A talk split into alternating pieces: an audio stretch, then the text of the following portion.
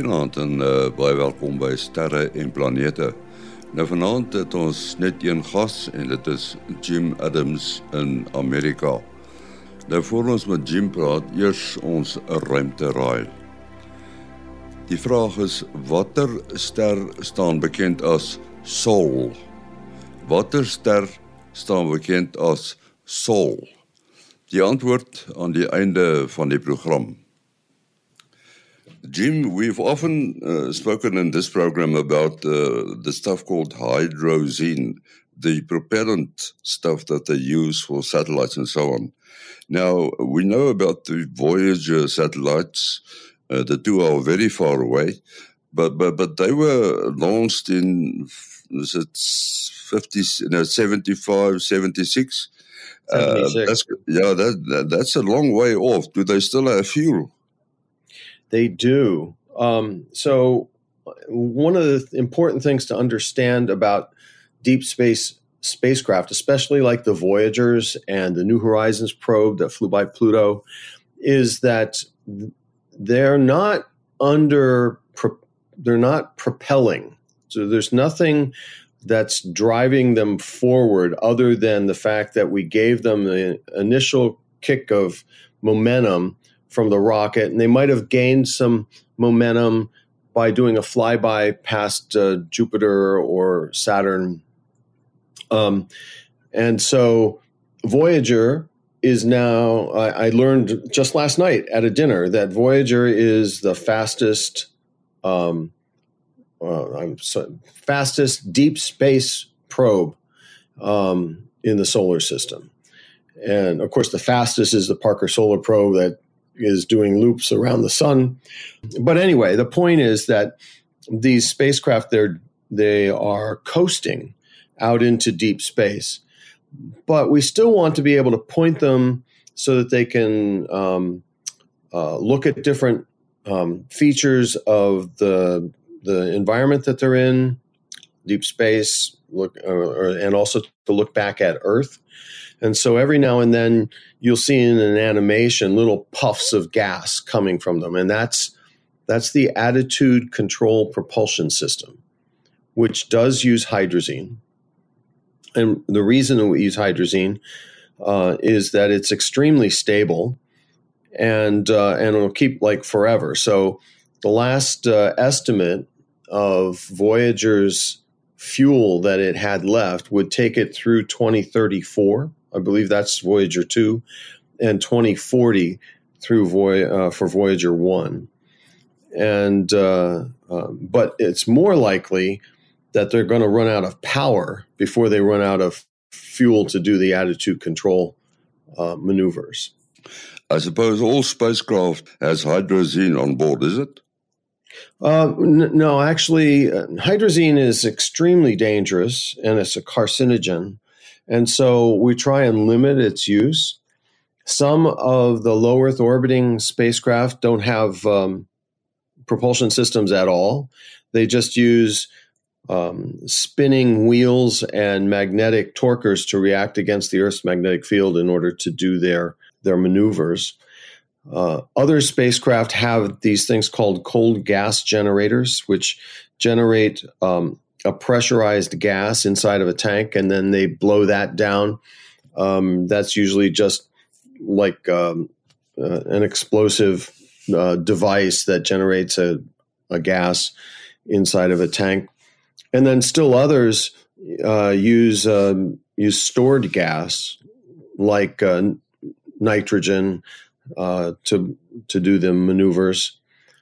Then there's others that will use ion propulsion, even for um, attitude adjustments. And so there's a whole realm of in space um, propulsion techniques that are used depending upon the application, where the spacecraft is going, and how much it's going to need, and how long it's going to last, and all that. I just want to talk about uh, NASA jargon or space jargon. Uh, mm. We had the explosion of the Starship the other day, but but right. I see they called it a rapid unscheduled disassembly. Why that name? well, I think that's a bit of a joke.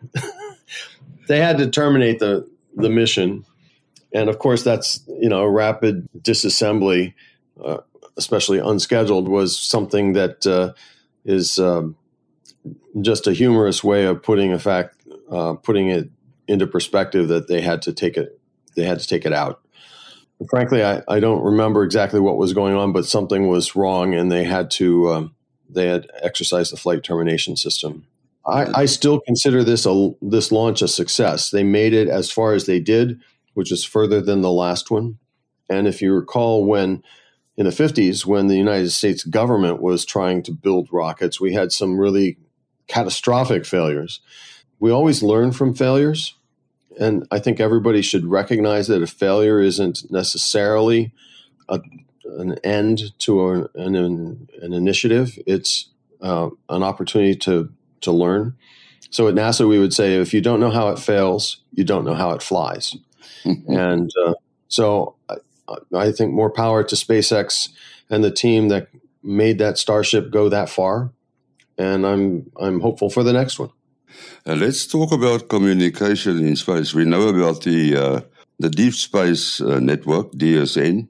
Uh, mm-hmm. that is a communication system that they use from Earth to talk to the ISS and so on and so on.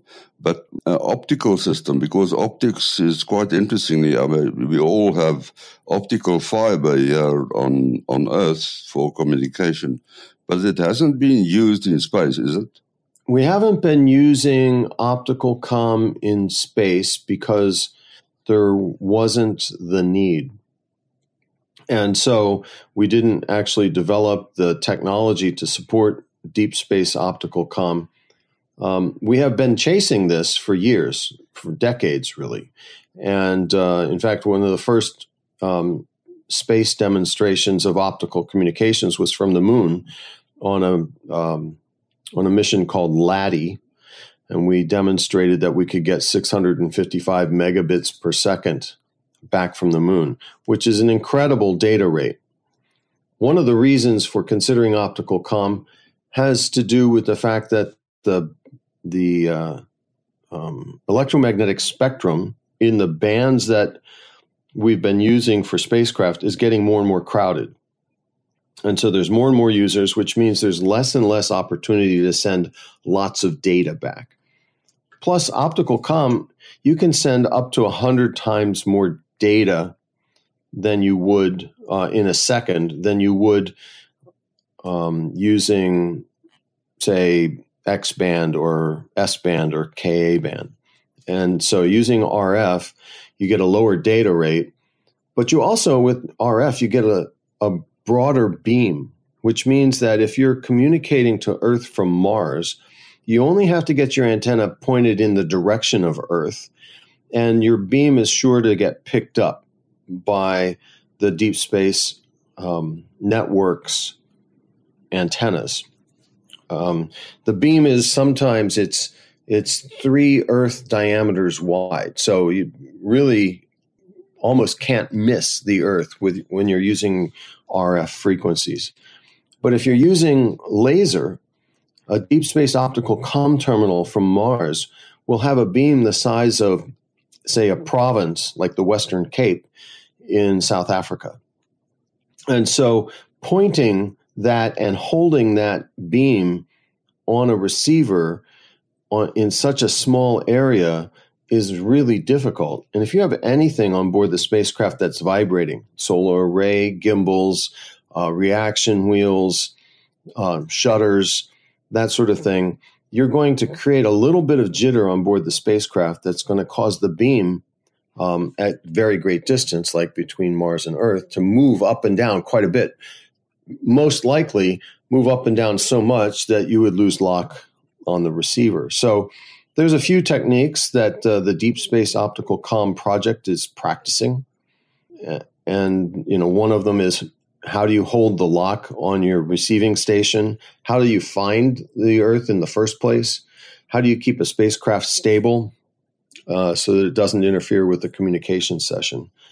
All of those things are things that the Psyche mission, uh, which launched uh, recently here, is practicing on its way out um, to visit the Psyche asteroids.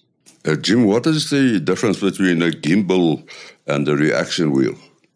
Ah, yeah. So a gimbal is is a device that usually has multiple axes axes that is trying to keep something stable. You, uh, gimbals are used very often on boats to keep compasses stable, and, and, you can see them. They, as the boat moves up and down, the gimbal moves back and forth to hold the, the compass steady. So it usually has pivot points on multiple axes, uh, and then the device that you want in the middle um, stays as stable as you can make it. A reaction wheel is very much like a bicycle wheel. It's a, uh, only it's very much smaller. It spins, and the faster it spins, the more momentum you have in that axis that it's spinning on. And you know that's one of the reasons why once you're riding a bicycle, if you can get the bicycle going fast enough, it's going to stay up by itself because the momentum, the angular momentum from the wheels, are keeping it up. And so we use reaction wheels to create a torque on those axes in order to keep the spacecraft stable. And then if we change the speed of the reaction wheel, then we'll change the torque and we can actually move the spacecraft around doing that. Of course, we need three of them, one for each axis, X, Y, and Z. And, uh, uh, and it's a pretty standard technique that we've been using since the 60s uh, to control a spacecraft. But, but don't airplanes also use that? Airplanes use gyroscopes, What's which is difference? a so, so a gyroscope actually is trying to measure the change in the position or the point, the pointing of the airplane or the spacecraft. And actually, spacecraft also have gyroscopes. So gyroscopes measure how is it changing, and then that signal goes into a, a computer that says, "Oh, I've changed this much. I need to change it back," and it sends commands to the reaction wheels, which actually do the um, actuation of the torque, so that the spacecraft can then return to the attitude that you wanted. So, um, a gyroscope is a sensor, and a reaction wheel is an actuator. Uh, let, let's talk a bit about the SETI project. Uh, you know, the Arecibo big dish uh, disintegrated. Uh, I, mm-hmm. I, always say rapid unscheduled disassembly. But anyway. It had to do with a hurricane, yeah. Yeah, but but uh, the, the, the SETI project is that still going on? Oh yeah, for sure. Um, SETI project, which by the way isn't part of NASA, it's a uh, generally it's a privately funded activity, is the search for extra extraterrestrial intelligence. And so for many, many years, the SETI project has been erecting radio telescopes um, to listen for what they think might be radio signals generated by intelligent societies. They hadn't found anything uh, of yet, but the universe is a vast place, and you're talking about looking for random signals in random, random directions. But one of the interesting things is that they have recently cut a partnership with the um, the South African Radio Astronomy Observatory to put some SETI receivers in the receiving chain of the Meerkat and the um, SKA that's being built up in the Northern Cape. Um, so maybe South Africa will be part of finding the next uh, intelligent signal or the first intelligent signal from space. Yes, I've often wondered, you know, the, the planets, we have Earth and then Mars. Why is Mars so important for uh, space exploration? To start with, there are four terrestrial planets, four planets that actually have a surface that you can land on. And those are Mercury, Venus, Earth, and Mars. So if we can understand what happened at Mercury, what happened at Venus, and what happened at Mars, might tell us a little bit something about either where the Earth came from and the processes that came to bear on making us the planet that we are today, and possibly even what the future of Earth might be. Mars happens to be the planet that is most uh, most accommodating to our missions. If you put a spacecraft down on the surface of Venus, it's going to last about an hour because Venus is so incredibly hot; it'll melt lead. The pressure is um, is intense, so any kind of volume that you have will just be crushed like a, a soda can. And in order to get to the surface of Venus, you have to fly through a cloud of acid. So it it becomes a very hostile environment to try and land and operate on Venus. We do. We've got several missions actually slated to go to Venus. We really can't put a rover down on the surface of Venus. And Mercury is a little different. It's so close to the sun that it's um, difficult to to get to, and it's very hot on one side and very cold on the other. So we, have had probes go to Mercury, but we haven't really investigated it uh, too much. Mars just seems to be the calling, um, not only from a scientific standpoint, but just from a human imagination standpoint. People have uh, written science fiction stories about Mars, and um, people can look up in the sky and see Mars in the night sky. And so, it's one of those things where we we um, it captures our attention. So Mars, though, uh, we think at one point in time was a very green world like the earth is today. I mean, it had lots of water on it, and you can see features of erosion and that sort of thing. And what we kind of want to know is why is Mars so dry and barren uh, today? And does that portend anything for um, the future of the Earth? Uh, when one talks of NASA, we usually think of space. But, but NASA does a lot of Earth observation, isn't it? Yeah, we do. We have a whole division in the science directorate uh, dedicated to um, Earth observation and Earth science. Uh, just recently, there was a, um, a, coordinated partnership between NASA and South African and some other agencies to fly over the Western Cape and look at the biodiversity changes in, uh, in the Western Cape to help us understand better the issues associated with climate change and how things are hap- um, progressing. Yeah, I think I heard about the uh, the aircraft on the Western Cape. It flew quite a lot there.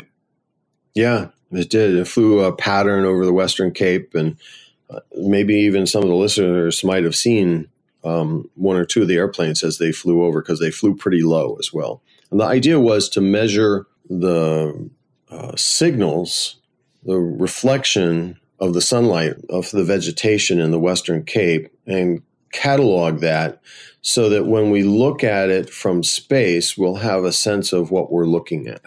So it's basically a calibration of the space sensors. I heard the story that uh, the scientists know more about the moon and Mars than about Earth. Well, the moon and Mars are, in the grand scheme of things, at least at the moment, considered relatively uh, simple places. The Earth is a dynamic place with all kinds of weather patterns and geologic activity. And, you know, we get earthquakes and lava flows, and we get tidal waves, and we get uh, continental drift and plates that shift. And um, and you know heating on one side of the earth creates weather on another side of the earth. So it's a, a very dynamic place and uh, actually does require a, a, lot of study especially since it's our home jim when did, when did you retire so i retired in 2016 from nasa but it didn't end there because you're now busier than ever yeah my wife says I didn't actually retire. I just don't work for NASA anymore. But actually, that's not fully true either. I've I've had a few contracts with NASA, and I have one exciting one that's emerging. Um, that's going to uh, result in a partnership with South Africa. And what is that?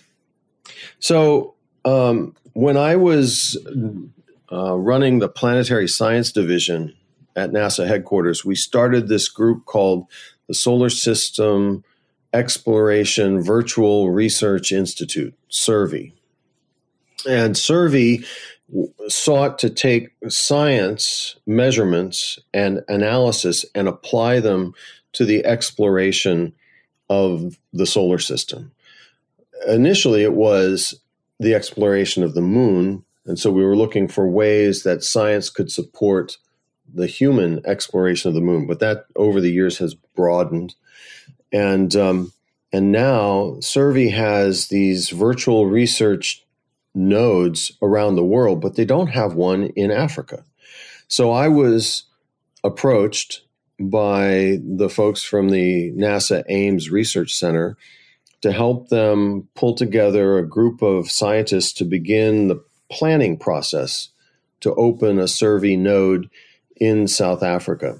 Now, it won't be a physical node, it'll be a research, a virtual research institute. So it'll be a, group of collaborative scientists working um, with uh, agencies and, and universities in South Africa, also working with agencies and universities in the United States and maybe even Europe as well. one of the big things that we want to start is we we want to have an annual lunar science conference um, get started in southern Africa. So they would call it the African Lunar Science Conference. And uh, so that's getting started. And our next step, we had a first uh, set of meetings in October. Our next step will be in May, where we get the agencies together and start talking about um, the best ways to proceed with that idea. Now it keeps you busy. Okay, let's look at our space quiz. Uh, the, the, question was which star is called Sol? Uh, Jim, have you got the answer?